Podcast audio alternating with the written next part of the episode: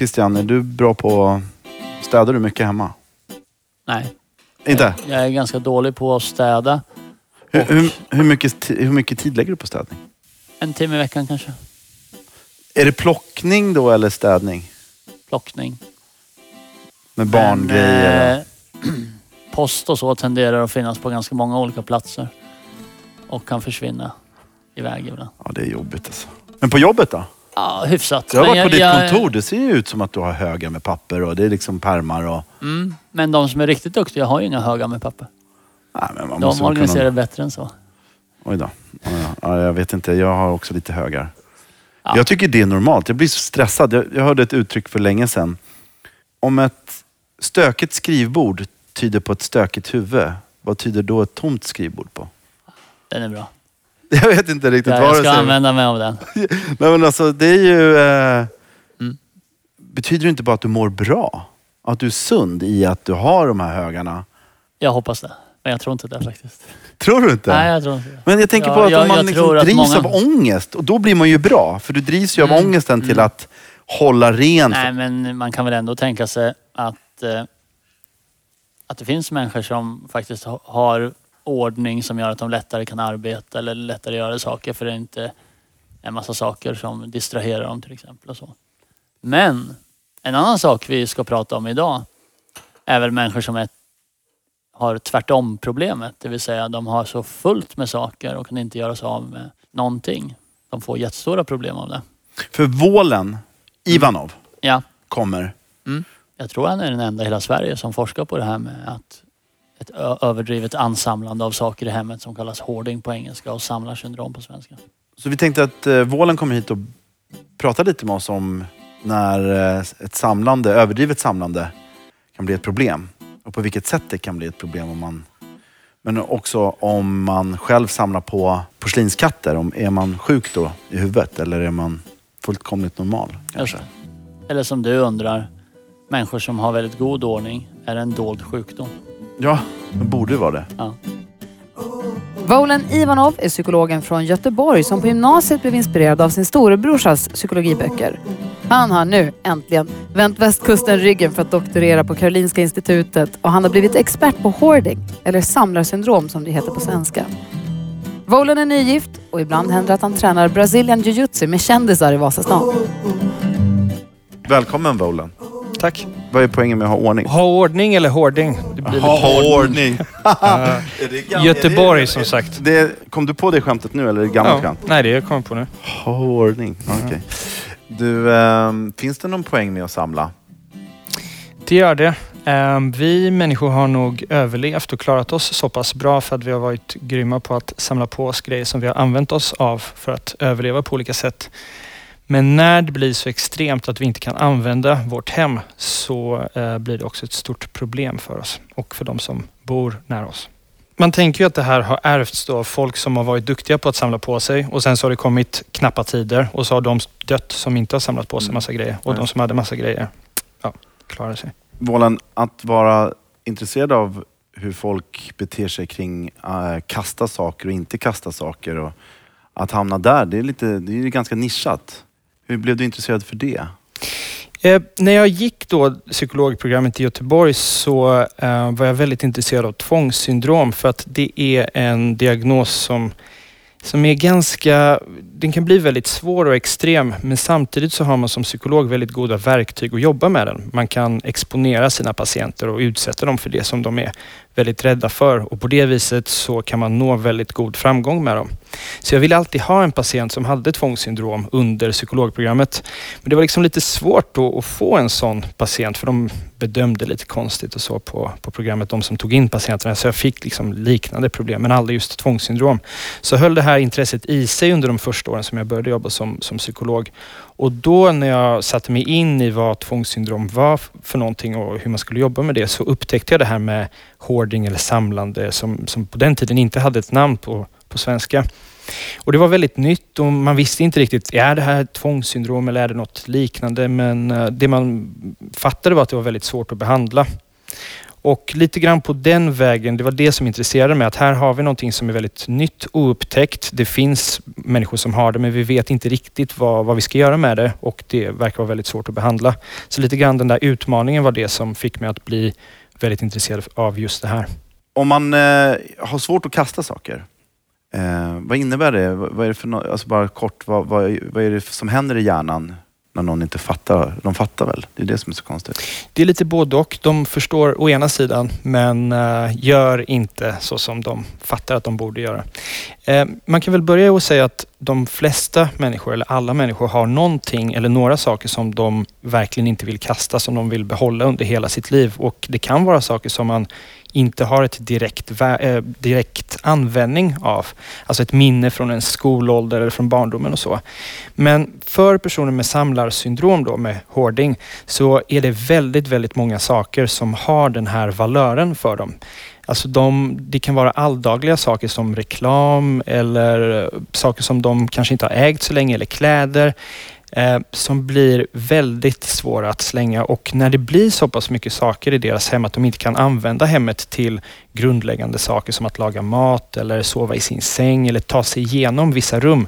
Det är då det blir problematiskt och det är då vi eh, liksom kan fundera på om det kan vara samlarsyndrom. Man har så mycket grejer så att det är gångar i hemmet för att det är staplat i princip. Det kan det vara, men det behöver inte vara så extremt utan det kan vara så att man har högar med saker mer på ställen som man egentligen skulle behöva använda för andra grejer. Typ på sitt köksbord eller på sina köksstolar eller eh, i hallen att man inte kan hänga sina grejer där för att det är liksom en hög med papper eller böcker i vägen. Men om, vi, om, vi då, om man kollar på motsatsen då, alltså folk som har, alltså städar extremt mycket och, och kastar maniskt saker hela tiden och vill hela tiden ha, ha är det inte liksom, finns inte den, måste ju finnas, jag tänker på, jag ser ju alltid livet som ett, ett spektrum och att det finns alltid någon motsats.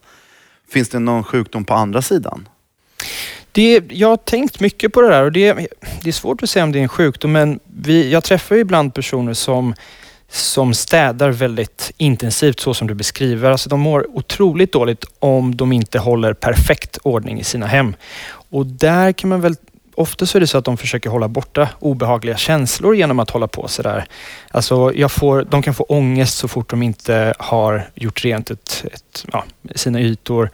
Um, och det, det man kan säga gemensamt för de här två problemen är att det är väldigt mycket ångest och obehag inblandat i det. Alex var hemma hos mig igår och, och då försökte jag som man ska göra be lite om ursäkt för att det låg skor över hela hallen och sådär. Då, då kom vi in på att du sa att det var normalt och du sa att människor som städar har en dold sjukdom. Och då tänker jag, är det, är det så då att de som har jäkla bra ordning hemma, allt ligger på rätt ställe, inget, inget som ligger omkring.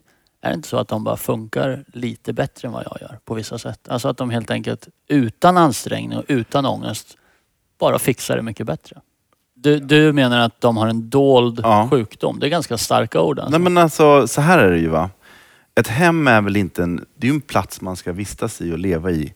Och min mamma har alltid sagt att det är som när du lagar mat i köket. Du måste ju plocka fram saker för att kunna laga mat. Och du måste ha sakerna framme. Och samma sak är ju det i ett hem. Alltså du, du lägger ju kläder du har haft under dagen, om du tänker ha dem dagen efter, på en stol i sovrummet. Eller, du vet, och är det någon leksak som barnen leker med, ett lego eller någonting sånt som de har lekt på golvet, då är det ingen idé att plocka bort det. För de skulle ju vilja leka med det dagen efter. Det är ganska nytt och man känner att det där låter vi vara bara. Det tycker jag är ett normalt sätt att hantera sitt hem. För det, det är ett utrymme som du använder till att vara i. N- När, det då, när, du är extremt, när du städar extremt eller inte köper saker för att du vill allt, att det ska vara lättstädat och att du vill hela tiden, det ska vara rent, som ljust och fräscht som det är i kataloger. Då inbillar jag mig att det ligger en dold manisk sida som är ångestdriven.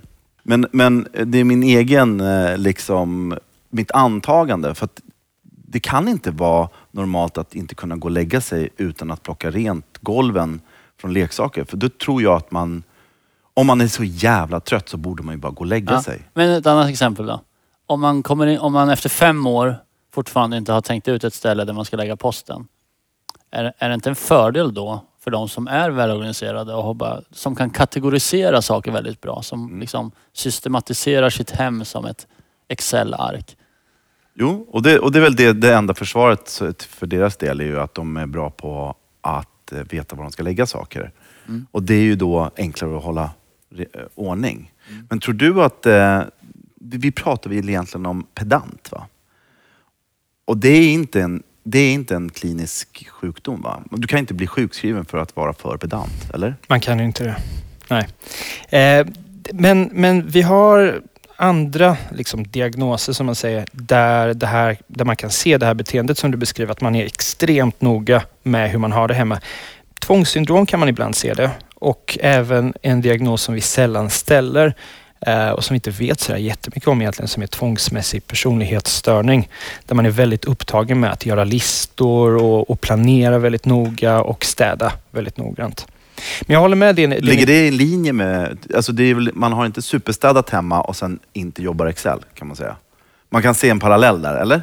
Eh, Kanske. Kanske. kanske. kanske. Men ljust och fräscht har ju ändå blivit en ett svensk paradgren på, på något sätt. Va? Om man tittar i bostadsannonser så är det ju otroligt Ja, det ju- fint ut ja. nu för tiden. Va? Och sälja ett hem som, eh, som det såg ut förr i tiden, det, det kan man ju bara göra ironiskt kanske. Liksom. Jag följer ett Instagramkonto som lägger upp bilder, så här skärmdumpar från här Hemnet-annonser med bilder som, när det ser ut som ett vanligt hem. Ja, Och det skrattar folk åt ju. ja. Så, men det kan ju inte bero på att folk i Sverige har fått tvångssyndrom allihop. Utan, Nej, precis. Mm. Nej, men jag tror att man ska vara väldigt försiktig med att dra en slutsats om att en person har en psykisk sjukdom för att det ser ut på ett visst sätt i, i deras hem. Men, men jag tror att, Här, åh vad rent. Är du sjuk eller? ja, men inte ens när det är sådär överbelamrat som, som bland de hem som jag är inne i ibland kan man vara helt säker på att det handlar om samlarsyndrom eller hoarding, utan det kan finnas andra orsaker till att man har Sjukt det. lat. Eh, sällan sjukt lat. Kanske eh, djupdepression ibland eller missbruk. Mm. Då kan man också se liknande hem. Så på samma sätt så är det väldigt svårt att gå in i ett hem som, där det är väldigt fin ordning och så säga att du har tvångsmässig personlighetsstörning. Eh, kom till oss på ångestenheten. Men jag, jag tror att det finns en, eh, en del av de personer som, som du är inne på som där städandet är väldigt starkt förknippat med ångest eller snarare um, att avhålla sig från att städa blir väldigt ångestfyllt. Jag kan inte lägga mig om inte jag har städat perfekt och därför har jag svårt att sova på nätterna till exempel. Och det blir ett problem. För är det inte så att um, hemmet idag har jag ju fått för mig lite grann är ju någon slags förlängning av sin egen personlighet. Det har ju blivit det med hem idag, att det ska representera den. du- Det, det, det är ju inte längre ett hem som det var, ett praktiskt ställe. Eh, och idag köper folk möbler som kostar jävligt mycket pengar för att man vill visa vem man är. Så att, jag menar när du kom hit idag, jag har ju en, eh, det finns en, en fläck på bordet där borta som är från gårdagens kaffekopp. Jag tänkte, ska jag torka bort den där? Äh, jag gör det sen. Men den korta blixttanken var ju så här, vilket intryck ger jag till Vålen när han kommer hit, hem till mig idag, när vi ska spela in den här podden? Och det är det jag tror att det kanske bottnar i, att folk håller sån jävla ordning för att de är rädda för... Liksom, de, det, det, ju, det, ju- det känns inte som att det är för deras egen skull. Eller det blir ju det indirekt. Mm. För de vill ju väl att när folk kommer hem till dem så ska det vara fint. Mm.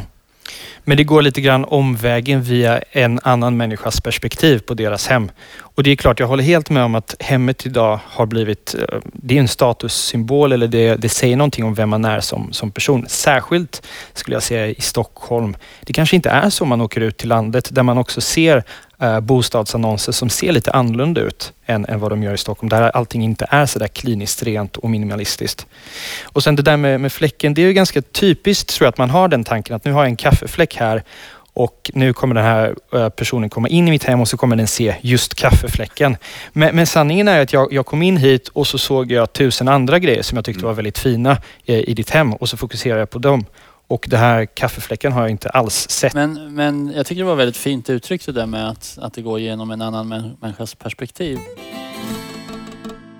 Eh, Vålen, skulle du kunna berätta om hur kan det se ut hos någon som har samlarsyndrom eller hoarding? Mm. Jag var hemma hos en person där, som bodde i ett väldigt stort hus och man kan då tänka sig att det är väldigt svårt att fylla upp ett, ett stort hus med saker. Men personer som har det här problemet är, eh, har ganska gott om tid på sig och kan under sitt liv liksom fylla upp med grejer. Och då var det så att det, när man kommer in i hallen så kan man knappt komma in i dörren därför att det ligger grejer som förhindrar att dörren öppnas upp. Ehm, och eh, sen så är det svårt att, att, att hänga sin jacka någonstans. Eller det var svårt för att det var så mycket saker där. Så man får liksom slänga jackan på en hög med saker och um, försöka komma ihåg var man lade någonstans. Um, och sen så var det um, jag var bara inne på undervåningen på det här huset och den här personen hade också jobbat ganska länge med att röja upp men fortfarande var det så att det fanns två platser i soffan som man kunde sitta på och resten av soffan var belamrad med saker. Eh, det fanns en, eh, en eh, kamin som var helt belamrad så man såg inte den utan jag bara förstod att, det fann, att den fanns för att personen berättade det här för mig. Mm. Vad var det för saker som det var en salig röra av allt möjligt. Det var kartonger, det var eh, kläder, det var dockor, leksaker, eh, böcker som kanske personen själv inte eh, läste utan mer så barnböcker i väldigt stora mängder. Eh, och väldigt mycket högar med papper som var kanske, det var en blandning av reklam men också troligtvis kvitt kvitton och räkningar och lite viktigare papper som var i samma hög.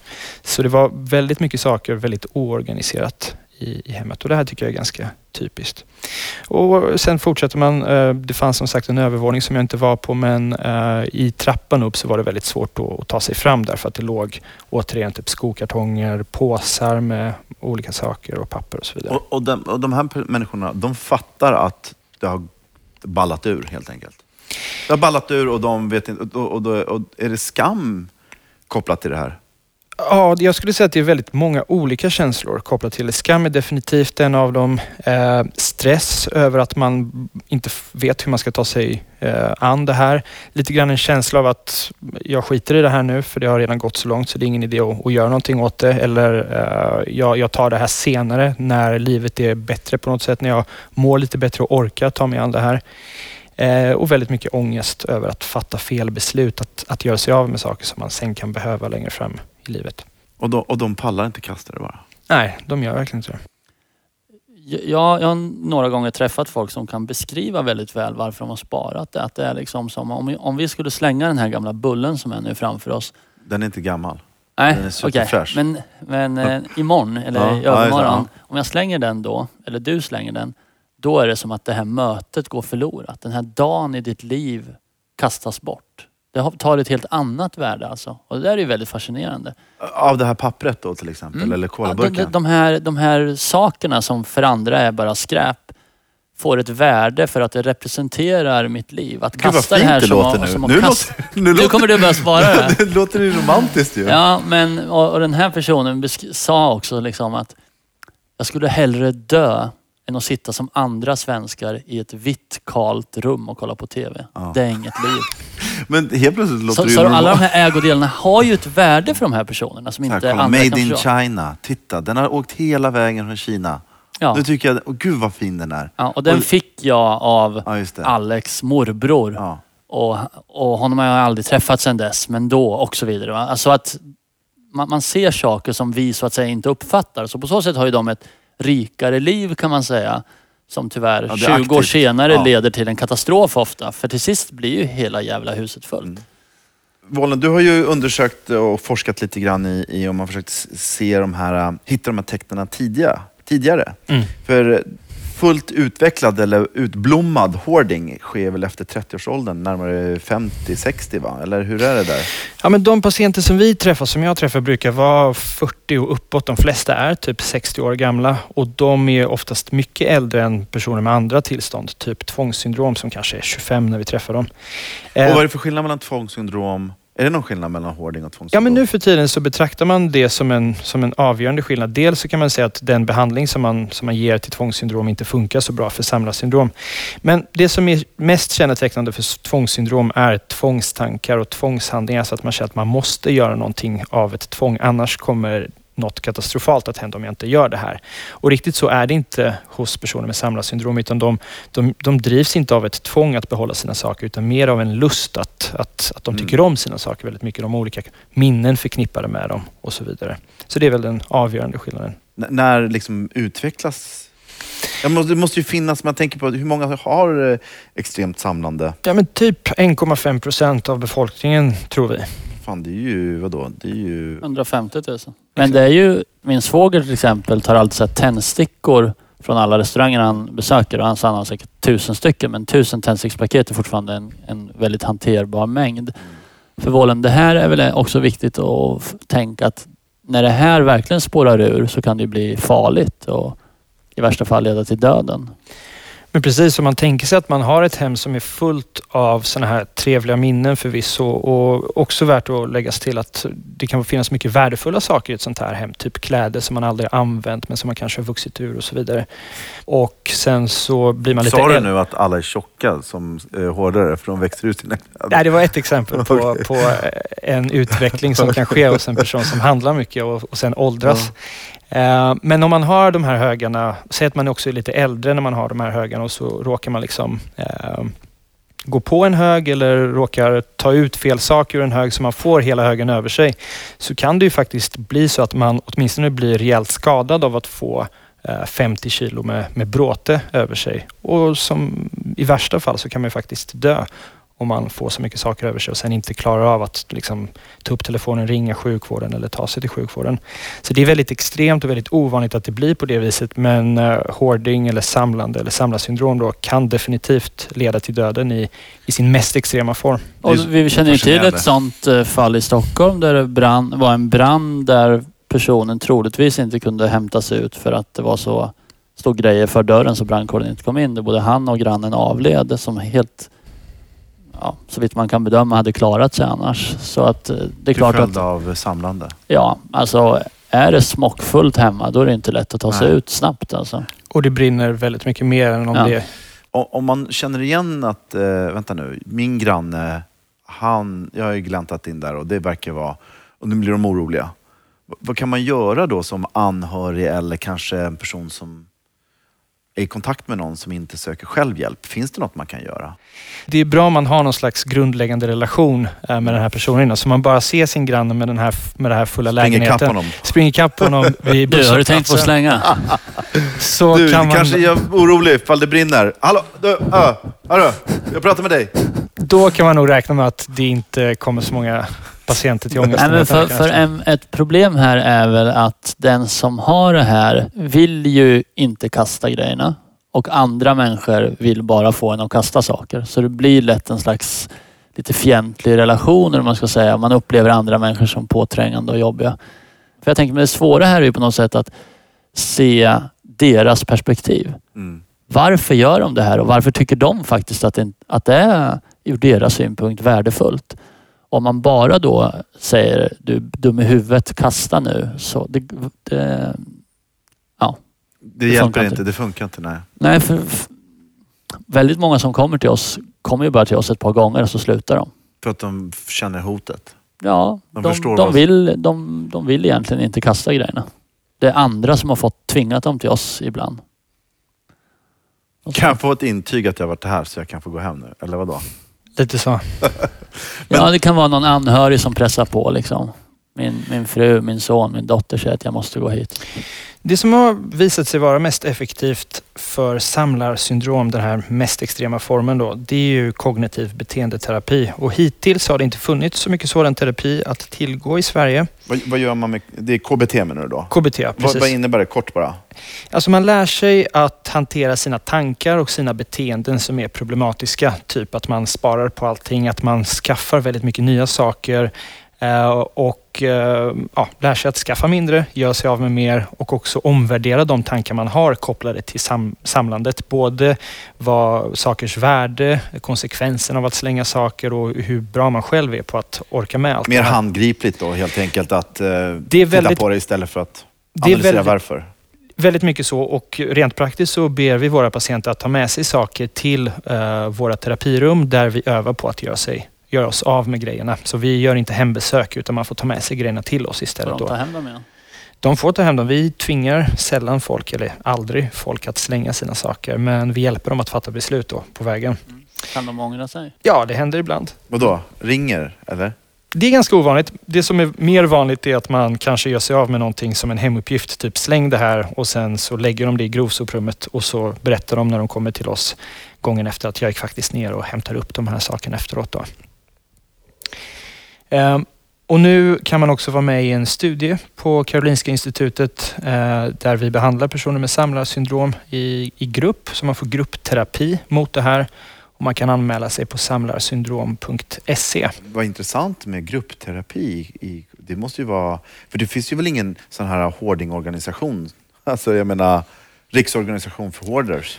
Ja, men det finns Sam, då tvångssamlar. eh, Ananke eller OCD-förbundet som det nu för tiden heter och där kan man då som person med samlarsyndrom, eh, dit kan man vända sig för att få stöd och information och så vidare. Men det, Man träffar inte andra kanske? ja, det kanske man gör men i, inte i lika hö, hög utsträckning som man gör under våra gruppterapiträffar där, man, där det är åtta personer med samlarsyndrom som, som alla är sugna på att få behandling som sitter och jobbar ihop.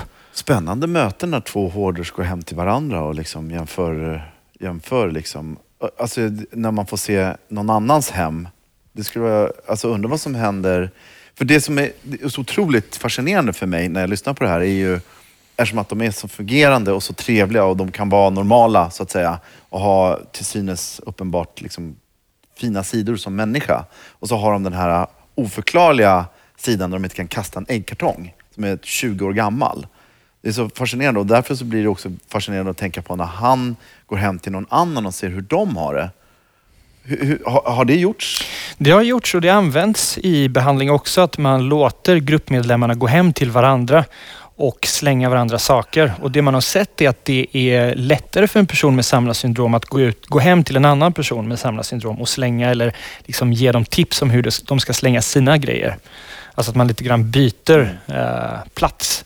Um, och det är just det där att det verkar som att de här personerna inte har koppl- de här känslomässiga, minnesmässiga kopplingarna till alla grejer som de ser, utan det är mest till de saker som de själva äger, där det blir mest extremt. Så går man hem, har man samlarsyndrom, går hem till en person med samlarsyndrom, uh, så kan man faktiskt slänga mycket mer än vad man kan hemma hos sig själv. Men hur är det, visst är det så att när, man, när en person som med sam, samlarsyndrom åker på semester, då är det andra regler som gäller, är det inte så? Eh, eh, alltså, samlar de på sig allt och tar med sig hem? Eller är det andra regler när man är på ett hotellrum till exempel? Eh, det, det är både och, men det är inte helt ovanligt att de shoppar på sig ganska mycket. Eh, det är ju lite den här aspekten att nu är jag på semester, jag vill komma ihåg den här semestern. Det är också en massa grejer som jag inte kan få tag i eh, hemma. Det här är liksom massa souvenirer som bara finns på den här grekiska orten och då kan det bli att man shoppar på sig ganska mycket. Eller att man går till hotellrummet och tänker den här tvålen var väldigt fin och den här doften påminner mig om det här fina hotellrummet och jag har inte haft semester på tre år så jag tar med mig tvålkakan hem. Wow. Och man vet ändå att det finns ingen plats hemma. Lite så. Men du, om vi går tillbaka till den här eh, normal, slarviga hemmet då, där det inte är optimal ordning och lite stökigt. Eh, finns det liknande regler där som, som, som eh, vem som helst kan tillämpa för att styra upp lite? Och jag tänker mig också att nu finns det ju i Sverige ett nytt yrke.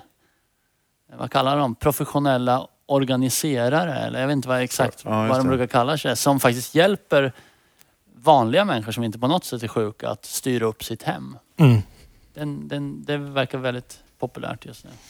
Ja, och jag tror att det första som de allra flesta människor faller på, som man inte är så bra på, det är ju att ägna sitt hem eller städandet då eh, mycket tid. För det tar mycket tid att hålla undan och hålla efter ett hem. Alltså att man regelbundet städar och slänger saker som man inte behöver.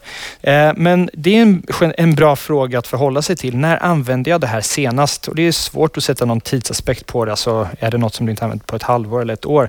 Men är det saker som man inte använt de senaste åren så, så är det en stark tecken på att man kanske kan göra sig av med det. Och man kan testa att göra sig av med grejer och se liksom hur, hur, hur mycket saknar jag den här grejen egentligen och liksom göra lite nya erfarenheter. Saker som man trodde att man aldrig kunde kasta kan man slänga och sen se liksom att ja, hur mycket saknar jag det här? Eller, så man gör lite små experiment för sig själv för att fatta att vi människor är ganska bra på att komma ihåg det viktiga i livet även utan saker som, som finns runt om oss. Och vi klarar oss med ganska få saker. Vi Men klarar våra Vollen, om du har läst en bra bok, slänger du den då? Om det är kvalitet, inte... Det gör jag inte automatiskt. Nu för tiden försöker jag läsa på, på paddan istället. Men det, man, behöver nödvändigtvis, man behöver nödvändigtvis inte slänga den, man kan ge bort den. Och det brukar jag göra min väldigt fru ofta. eh, har nämligen bannlyst bokhyllor på, på mer eh, ja, i vardagsrum och så. Och hon menar att det är helt ologiskt att jag vill spara en bok när jag har läst den eftersom jag ändå inte kommer läsa den igen och oftast inte öppna den. Och jag ser just sådana saker och tänker men det här är ju en klassiker. Kanske mina barn kommer läsa den. Det tror jag i och för sig inte på riktigt att de kommer göra. Men det är lite sådär, jag hörde om, om Umberto Eco, italienska författaren. Han har 30 000 böcker hemma. Det låter ju jättemycket. Och han beskrev det ändå som att ja, men, när jag ser den här boken så plockar jag upp det i mitt medvetande och den här historien levandegörs igen. Det här är liksom ett sätt att leva med allt det här. Och jag kanske inte har 30 000 böcker men jag skulle vilja ha några fler men det möter väldigt hårt motstånd då av släng. Ja, Jag, är, ju- jag, har ju, jag har haft samma diskussion med min fru. Ju. Mm. För mig som inte är så stor bokälskare, så här, jag kan inte heller riktigt... Jag har några egna filosofiböcker och så här, men det är mest uppslagsverk och sånt. Det är mer logiskt att man vill spara. Mm. Men jag fattar inte heller... Jag, är, jag har ju fått för mig att det handlar om att man vill stoltsera. Att man vill visa upp vad man har läst. Det har jag fått för mig. Lite grann som det här med hemmet, att genom andras ögon. För jag menar, i så fall kan du väl ha bokhyllan i sovrummet då? Eller i garderoben. Ha bokhyllan i garderoben då. Mm, men även där Jaha, det går förekommer inte. utru- utrensningsförsök också faktiskt Ja. hos oss. Men jag menar, jag tycker det är intressant då om en person som gillar att ha en bokhylla framme, så säger man, men varför är det så viktigt då?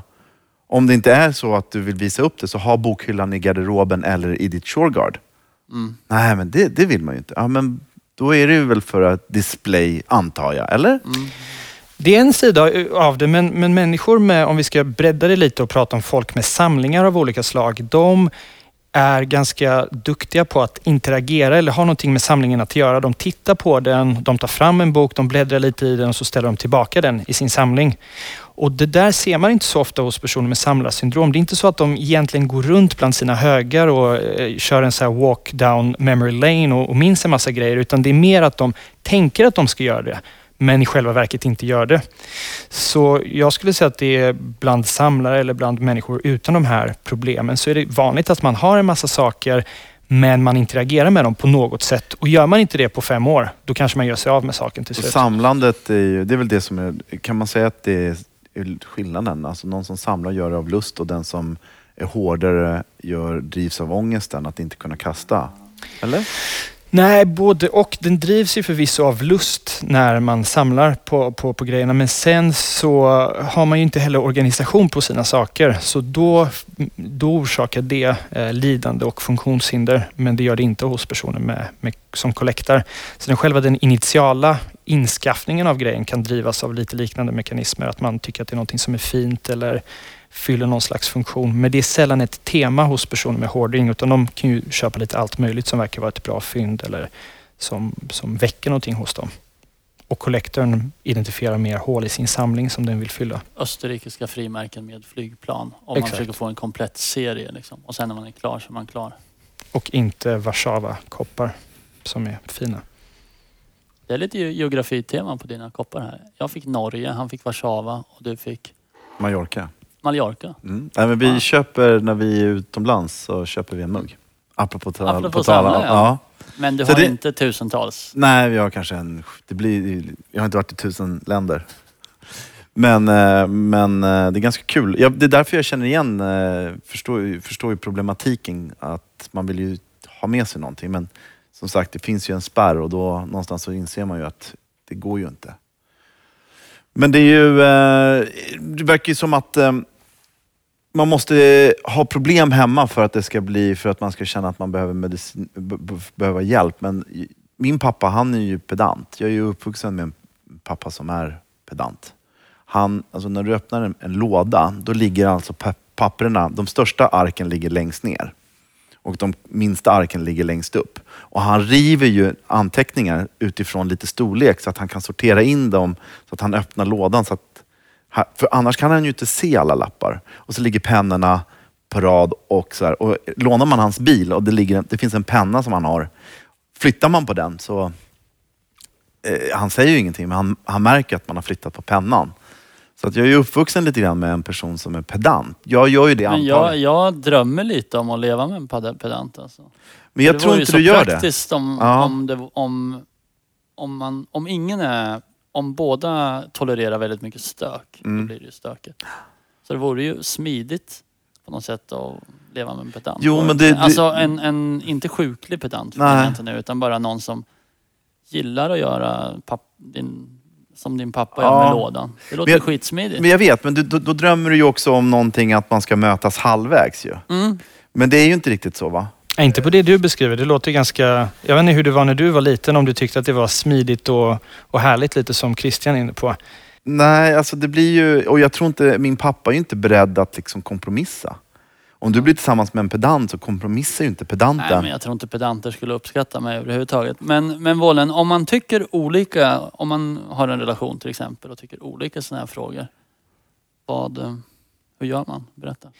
Alltså man, om man nu är då den som, som har ordning på grejerna och så stör man sig på, på, på sin partner som inte har ordning och kanske skaffar lite för mycket så kan man ju, jag tror att det första är att försöka fatta varför den här personen inte gör som man själv tycker. Och det kan ju grunda sig på många olika saker. Det kan ju vara så att man inte riktigt vet hur man håller ordning på grejerna, att man liksom saknar den färdigheten lite grann. Och då kan man hjälpa till och göra upp ett system hemma. Okej, Okej, jag fattar att du inte tycker att det är så kul, men kan vi göra så att vi har posten här och när du tar in grejer från ditt arbete så lägger du dem här och inte där jag har mina saker. Ehm, och är det så att man eh, kanske märker att den här personen har väldigt mycket ångest eh, förknippat med, med sitt beteende så att det, den personen vet hur man ska göra men, men kanske drivs av att, eller är väldigt stressad av något förslag, av någon anledning så kan det ju mer vara så att man behöver prata om, om behandling eller försöka förstå vad det är för underliggande problematik. Men om man själv, det, är ju, det där är ju svårt alltså, men om man själv är den personen som tycker att man inte har problem utan man tycker att den andra partnern är den som är orsa- orsaken till problematiken. För det är ju så i alla relationer. Och så kan det ju vara åt båda håll förstås. Ja. Slarven tycker pedanten är jobbig och tvärtom. Ja, och då, då kommer vi till en kärnfråga som jag tycker är intressant liksom, i relation. Vem, alltså det är hela tiden det här övervägandet vem som har rätt, så att säga. Vem har mest rätt i sakfrågor? Alltså vad är att städa fyra gånger i veckan och den andra vill städa en gång varannan vecka. Inget av dem är väl fel egentligen. Den ena är extrem mot båda hållen kanske, eller vad man nu ska säga, städa var tredje vecka. Hur möts man? Finns det något utifrån er erfarenhet av extrema fall? Finns det någon, liksom, någonting man kan se på mer normala men ändå problematiska situationer som man kan ta hjälp av? Ja, men det gäller ju att försöka uttrycka för sin partner hur man själv känner, hur man tänker kring det här, hur man upplever situationen och säga att jag, för att jag ska funka i vardagen så behöver jag ha ordning och jag behöver att det skulle vara grymt om du kunde hjälpa mig med det genom att göra några av de saker som jag tycker är viktiga.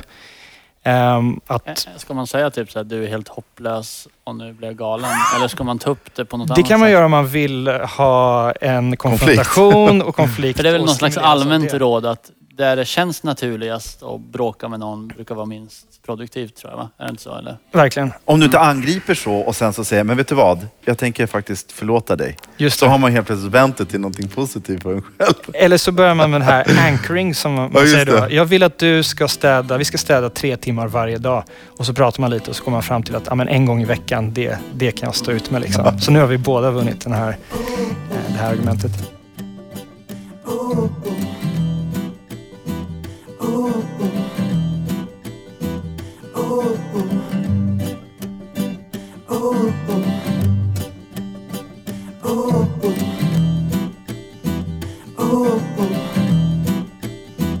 oh.